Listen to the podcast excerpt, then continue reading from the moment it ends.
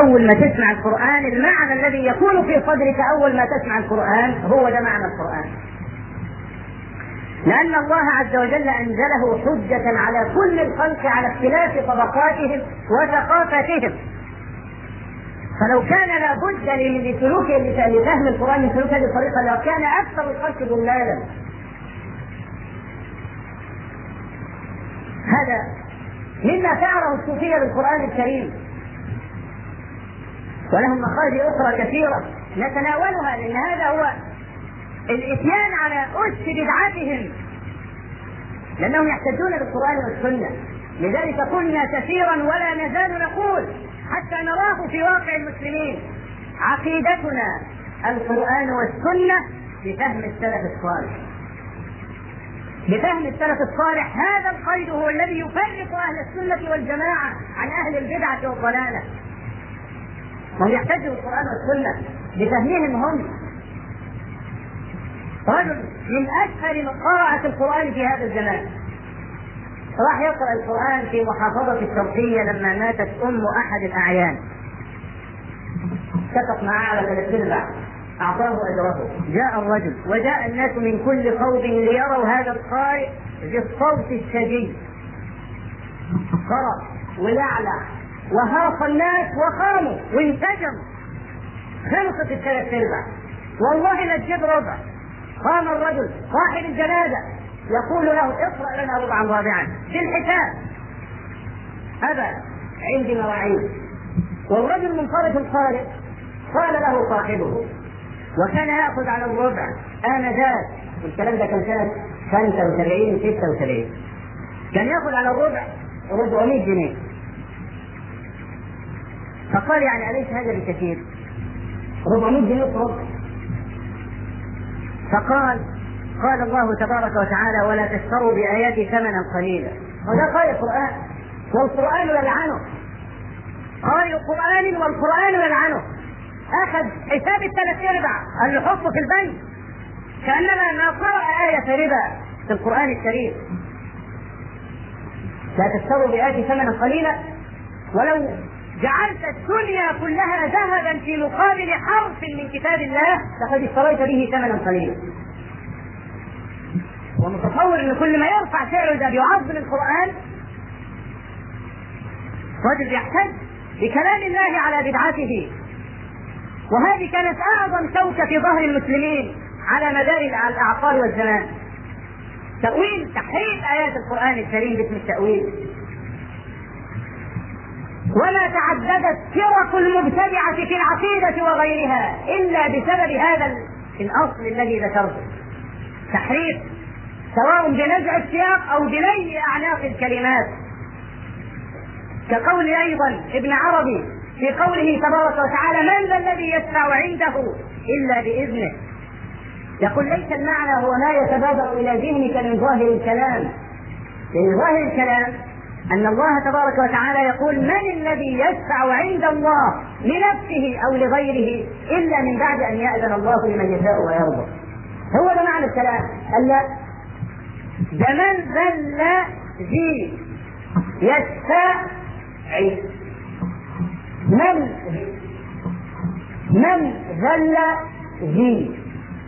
أي من ذل نفسه. وذي اسم إشارة يشفى من الشفاء أي فعل أمر من وعى أي هذا الكلام. واهتم به. ده في كتاب الله. أليس هذا أولى بالقتل من قطاع الطرق؟ أليس هذا أولى بأن تقطع أيديهم وأرجلهم من خلاف أولى من المحاربين لله ورسوله؟ بل هذا من أعظم الحرب لله ورسوله. ما ظل اليهود والنصارى إلا بعد تحريف الكلام.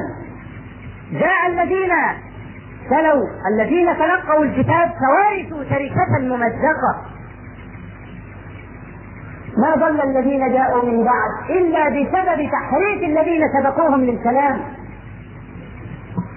وتحريف الكلام مستمر. ومن على أيديهم أيضا أنهم يدخلون زيادات غير صحيحة في أحاديث الرسول عليه الصلاة والسلام. العام الماضي نشروا ورقة وكانوا يوزعوها سكت الخوارج. يخرج قوم يقرؤون القرآن لا يجاوز حناجرهم. قالوا يا رسول الله صفهم لنا. قال لحاهم طويلة ثيابهم قصيرة. إن لقيتهم فاقتلوه. رواه مخبر. إن لقيتوهم فاقتلوهم ومكتوب تحت رواه البخاري. البخاري كذب مقبول. لأنه يعلم أن الجماهير لا تقرأ ولا تكتب. الجماهير لا تبحث عن الأصالة ولا عن تأصيل الكلام. لا تكلف نفسها بعد سكوت العلماء. حتى هانوا على الناس وجاءت الدائرة عليهم الآن. هم في الأزهر الآن بيوم بأنه مع الإرهابيين في خندق واحد. مش مجلة روزا اليوسف بتكتب إن شيخ الأزهر هو الذي يوسف التصرف؟ وأنه معروف شيخ الأزهر مع الإرهابيين في خندق واحد. جاءت الدائرة عليه لأنه سكت سكت طويلا. فجاءت الدائرة عليه. إن الشر إذا جاء لا يفرق بين أحد وأحد. إنه يأخذ الكل. إنه كالطوفان الذي لا يميز سكوتهم هو الذي جر هؤلاء عليهم. والله الذي لا إله غيره. الراقصات يفتين في دين الله. الراقصات يفتين في دين الله. ويؤخذ رأيهم في كلام الله ورسوله. وينشر هذا في الجرائد والمجلات؟ الراقصات يؤخذ رأيهن في هوان أكثر من هذا. لا يوجد نقابة لأهل التدين هناك نقابة للحمير. في جمعية اسمها جمعية الحمير. نقابة. لو واحد منهم شخص نار طالع في مقطع مش عارف يطلع يكتب بلاد الصبح الحمير يهانون في مصر وتقوم القيامة. كل مهنة لها نقابة. إلا هذا الدين ليس له حمى نقابة الأطباء أوقفت أشهر طبيب جراح للجهاز الهضمي والكل يعترف بكفاءته وهو رقم واحد في مصر ومعدود من أكثر الجراحين في العالم. لما زعم انه اخترع دواء للايدز وجربوا على بعض الآدميين اوقفوه هي روح الناس لعبة. كيف تجرب هذا الدواء قبل أن تعرضه على لجنة وتقره واوقفوه ولم يراعي مناصبه العلمية ولا المياسين التي حصل عليها. لأن في نقابه يقول لك حماية أبدان البني إنما حماية دينهم هذا لا يضر يضيع. وجاءت الدائرة فلم تفرق. في مجلة روزا يوسف ولد ردح لشيخ الأزهر الرد لا تقول امرأة في شارع وقال له إن عدت عدنا وإن قلت زدنا. وده أكبر علة في البلد. إذا اهينت اكبر علة في البلد ولم ينتظر لها إحنا نداس بالنعاس قلت لكم إن للمبتدعة دولة كبيرة ولها ركنان ولا يسأل أحدهم من أين لك هذا. لهم طرق شتى في تحريف كلام الله ورسوله. ما ذكرته الآن على سبيل المثال الحصر والا هناك أمثلة يتيم لها رأس الولد. سنتعرض لها في هذا المسلسل. مسلسل فضح هؤلاء المبتدعة وفضح طريقتهم في التعامل مع النصوص الشرعية. أقول قولي هذا وأستغفر الله العظيم لي ولكم. الحمد لله رب العالمين. له الحمد الحسن والثناء الجميل. وأشهد أن لا إله إلا الله وحده لا شريك له. يقول الحق وهو يهدي السبيل. وأشهد أن محمدا عبده ورسوله. صلى الله عليه وعلى آله وصحبه وسلم. موضوع الختان كان نسيا منسيا. توارث الناس فعله جيلا بعد جيل وفي خضم الأزمات والاهتمام بالصغائر والكبائر لم يصرف ذهن أحد. مساله الختان ولم تشكل هذه الظاهرة أي مؤثرات سلبية على مدار القرون الثالثة. ولم تلفت نظر أحد على الإطلاق. ثم فجأة وببركات عقد مؤتمر السكان عندنا والتمثيلية التي عرضت في الإذاعة في هيئة الدفاع الأجنبية في إن إن قامت الدنيا وصار الحديث هو الختان أصدرت وزارة الصحة بيان إلى مديريات الصحة في المحافظات ووقع في يدي صورة للخطاب الموجه لمديرية الصحة في الصحة هنا في كفر الشيخ. يفندون الختان من ثمانية أوجه منها أنه لا يجوز المساس بجسد الأنثى إلا بإذن الطبيب. ما علينا. منها أن الختان عادة جاهلية وليست إسلامية وهذا بكل أسف ما ورد في الجرائد الرسمية على لسان المفتي وغيره. ومنها أن الرسول صلى الله عليه وسلم لم يثبت أنه ختن بناته الأربعة. ومنها أنه لم يجمع أحد من الفقهاء على الختان على وجوب الختان. والإجماع قائم أنه غير ضروري. ومنها أنه يسبب عقدا نفسية للجنس ويسبب بعض الأمراض الفتاكة منها سرطان عنق الرحم غير بقى الأزمات النفسية والجانبية التي يسببها مثل هذا الأمر. قلت لكم قبل ذلك كأنهم يكتبون للسم البطن العمر كأن الذين يخاطبونهم من الأموات ليس عندهم كتاب ولا قرأوا صفحة الفقه. هل الختان فعلا. سنة جاهلية؟ الجواب لا قال صلى الله عليه وسلم في الحديث الذي رواه البخاري ومسلم وغيرهما من حديث أبي هريرة ورواه مسلم من حديث عائشة وأبو داود من حديث عمار وغيره. من الفطرة وفي لفظ الفطرة خمس منها الختان. لفظ الفطرة. لفظ ثابت لا يتغير بتغير الشرائع.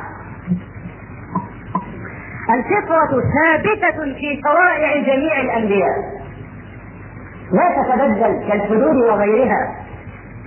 إنما هي من الثوابت. إذا قلت الفطرة اعلم أنه الشيء الذي لا يتبدل. اعلم أنه الشيء الذي لا يتبدل. فطرة الله التي فطر الناس عليها لا تبديل لخلق الله. ذلك الدين القيم. فلما نسمع كلمة الفطرة نعرف إن هذا هذه السنة موجودة من لدن آدم عليه السلام إلى نبينا صلى الله عليه وسلم. هذه معنى كلمة الفطرة. فمنها الختان. فكيف يقال هذه عادة جاهلية؟ ثانيا قال صلى الله عليه وسلم إذا التقى الختانان فقد وجب الغسل. الختان الأول كناية عن فرج الرجل الختان الثاني كناية عن فرج المرأة. فإذا التقى الفرجان مجرد التقاء وجب الغسل. واحتج الإمام أحمد بهذا الحديث على سنية الختان بالنسبة للنساء. إذا التقى الختانان وهذا حديث صحيح عند البخاري ومسلم. قال الشافعية والحنابلة الختان للرجال والنساء واجب. واجب يعني فرض. من لم يفعله أثم فكيف يقال ان ليس هناك أحد من الفقهاء قال بوجوده الرأي الرجيح عند الشافعية وجوب الختان للرجال والنساء، والرأي الشاذ عند الشافعية أنه مكرومة للنساء فقط. والصواب أن الختان واجب على الرجال والنساء معا. فإذا المرأة لم تختتن فهي آثمة مع مراعاة هل البذر يحتاج إلى ختان أم لا؟ قد يكون البذر صغيرا خلقة. فلا يحتاج إلى ختان. لكن كلامنا في من تستحق الختان. أما الرجال فلا إشكال. لكن كلامنا على ختان النساء إن هذا هو الموضوع. ومن الدلائل على وجوده. قول الله تبارك وتعالى وأوحينا إليك أن اتبع ملة إبراهيم حنيفا. وثبت في صحيح البخاري وغيره أن النبي صلى الله عليه وسلم قال اختتن إبراهيم عليه السلام وهو ابن ثمانين سنة بالقدوم. جاءت عليه ثمانون عاما وأمر بالختان فاختتن بالقدوم. قدوم هذا إما أن يكون اسم مكان أي البلد التي كان يسكنها واختتن فيها اسمها القدوم؟ وإما أن يكون القدوم هو الآلة المعروفة أنه قطع الجلدة الزائدة بالقدوم. فصار هذا من ملة إبراهيم التي أمرنا باتباعها. ثانيا هناك حديث للنبي صلى الله عليه وسلم مختلف في تصحيحه وتضعيفه نعم. والظاهر حسنه. وقد حسنه من المتقدمين جماعة. يقول قال رسول الله صلى الله عليه وسلم لخاتنة بالمدينة أتمي ولا تنهكي فإنه أفضل للرجل وأحظى للمرأة. أتمي ولا تنهكي أي لا تقطعي البذر قطعا شديدا فتنهكيه إنما اقطعي منه القدر الزائد فقط. ولأن الأصل ألا تثبت عبادة إلا بدليل وهذا دليل وما سبق أيضا. أما العلماء الذين قالوا إن الختان سنة للرجال مكرومة للنساء فاعتمدوا فيه على حديث منكر لا يصح وهو ما رواه الإمام أحمد في مسنده أن النبي صلى الله عليه وسلم قال الختان سنة للرجال مكرومة للنساء. والممارس لألفاظ النبي صلى الله عليه وسلم. يعلم أن هذا الحديث أقرب إلى كلام الفقهاء منه إلى كلام النبوة. وهو منكر كما حكم البيهقي وغيره عليه. فما بقي إلا القول بالوجوب ولا خارج عن القول بالوجوب. فإذا كان العلماء اختلفوا هل هو واجب أم مستحب لم يقل واحد منهم إنه عادة جاهلية يعني اختلفوا فقط ما بين الاستحباب وما بين الوجوب. سلمنا أنه ليس بواجب مستحب. مستحب تساوي مشروع. حينئذ ينظر هل فعلا ترك الختان من مصلحة المرأة؟ حدثني بعض المتخصصين في هذا المجال. قال إنه قرأ بحثا وهو طبيب في أمراض النساء والولادة. قال إن ترك ترك الختان الختان بيصيب المرأة بسرطان عنق الرحم ولذلك هذا النوع من المرض منتشر في نساء أوروبا وأمريكا أكثر منه في نساء الشرق. لا يوجد في نساء الشرق هذا المرض إلا لماما لماما ولا زالت الفاحشة على قدم وساق في بلاد أوروبا وأمريكا بسبب ترك الختان اننا ضد الختان بالطريقة الجاهلية. لابد أن الذي يقتل يكون عالما بالختان وتكلم الفقهاء في مسألة الضمان إذا أتلف الخاتن بذر الأنثى بالكلية. يعني رجل خاتن قص البذر كله هل عليه ضمان أم لا؟ أي هل عليه دية يدفعها أم لا؟ عليه دية. إذا لم يكن من العالمين. وليس عليه أن يقص البصر كله. تكلم العلماء في هذا حتى وصلوا إلى مسألة الضمان. وقال الشافعية على وجه الخصوص إذا تمالأ أهل بلد على ترك الختان قاتلهم الإمام. قاتلهم الإمام الحاكم إذا علم أن بلدا من البلاد تمالأوا وتكالبوا على ألا يختتنوا يجب على والي الأمر أن يقاتلهم حتى لو قتلهم جميعا. أليس هذا موجودا في كتب الفقه؟ كيف يقال إن هذا ليس من الإسلام؟ تصدر للتدريس كل مهوس بليد تسمى بالفقيه المدرس فحق لأهل العلم أن يتمثلوا ببيت قديم ساعة في كل مجلس لقد هزلت حتى بدا من هجانها كلاها وحتى سالها كل مفلس المثلث دخل المزاد لماذا دخل المزاد وليس معه من احمر اللي السلعة لا قيمة لها. حتى زايد عليها من ليس له مال. هو ده الواقع بالنسبة لديننا.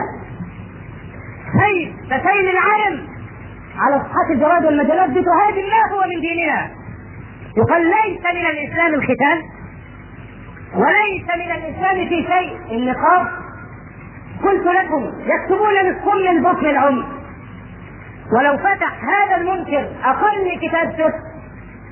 مختصرات كتب الفقه لوجد هذه الأحكام ثابته وتكلم فيها العلماء. فكيف لا يحاسب هؤلاء؟ إذا كان الحفاظ على دين الدولة الاسلي أمر مطلوب وهم يقولون بذلك كيف لا يحاكم هؤلاء؟ كيف لا يكون هناك حظر على نشر ما هو من ضد الإسلام؟ لا حمى له. ولا نريد أن نكتفي فقط بأن نقول للدين رب يحميه بل لا بد من جذب السبب. إن الله أهلك أقواما كفوا عن الأمر بالمعروف والنهي عن المنكر. لعل الله يحفظنا بمثل هذا الصوت الذي ينهى عن المنكر ويأمر بالمعروف. وإذ قالت أمة منهم لم تعظون قوما الله مهلكهم أو معذبهم عذابا شديدا؟ قالوا معذرة إلى ربكم.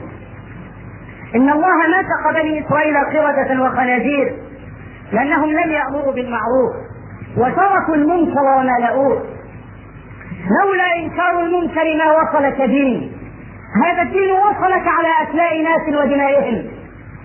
ما نالوا وما هادنوا وما نالوا في جنب الله عز وجل. ولنا فيهم أسوة حسنة. لا تأخذوا دينكم إلا ممن تثقون في دينه وعلمه. كثرت الفتن وأقبل بعضها تلو بعض كأمواج البحر. ولا عاصم من أمر الله إلا من رحم. فلا بد من بذل السبب. السبب إنك تأخذ دينك من الكتب المعروفه الموثقه وتأخذ فتواك من العلماء المحققين. ولا تعطي أذنك للذين يلونون مواقفهم ويتقلبون ظهرا على ظهر نسأل الله تبارك وتعالى أن يعافينا وإياكم من الفتن. وأن يردنا إلى ديننا ردا جميلا. اللهم اغفر لنا ذنوبنا وإسرافنا في أمرنا وثبت أقدامنا وانصرنا على القوم الكافرين. اللهم اجعل الحياة زيادة لنا في كل خير واجعل الموت راحة لنا من كل شر. اللهم قنا الفتن ما ظهر منها وما بطن. اللهم لا تجعل الدنيا أكبر همنا ولا مبلغ علمنا ولا تسلط علينا بذنوبنا من لا يخافك ولا يرحمنا. رب آت نفوسنا تقواها وزكها أنت خير من زكاها. أنت وليها ومولاها. اللهم اغفر لنا هزلنا وجدنا وخطأنا وعمدنا وكل ذلك عندنا الصلاة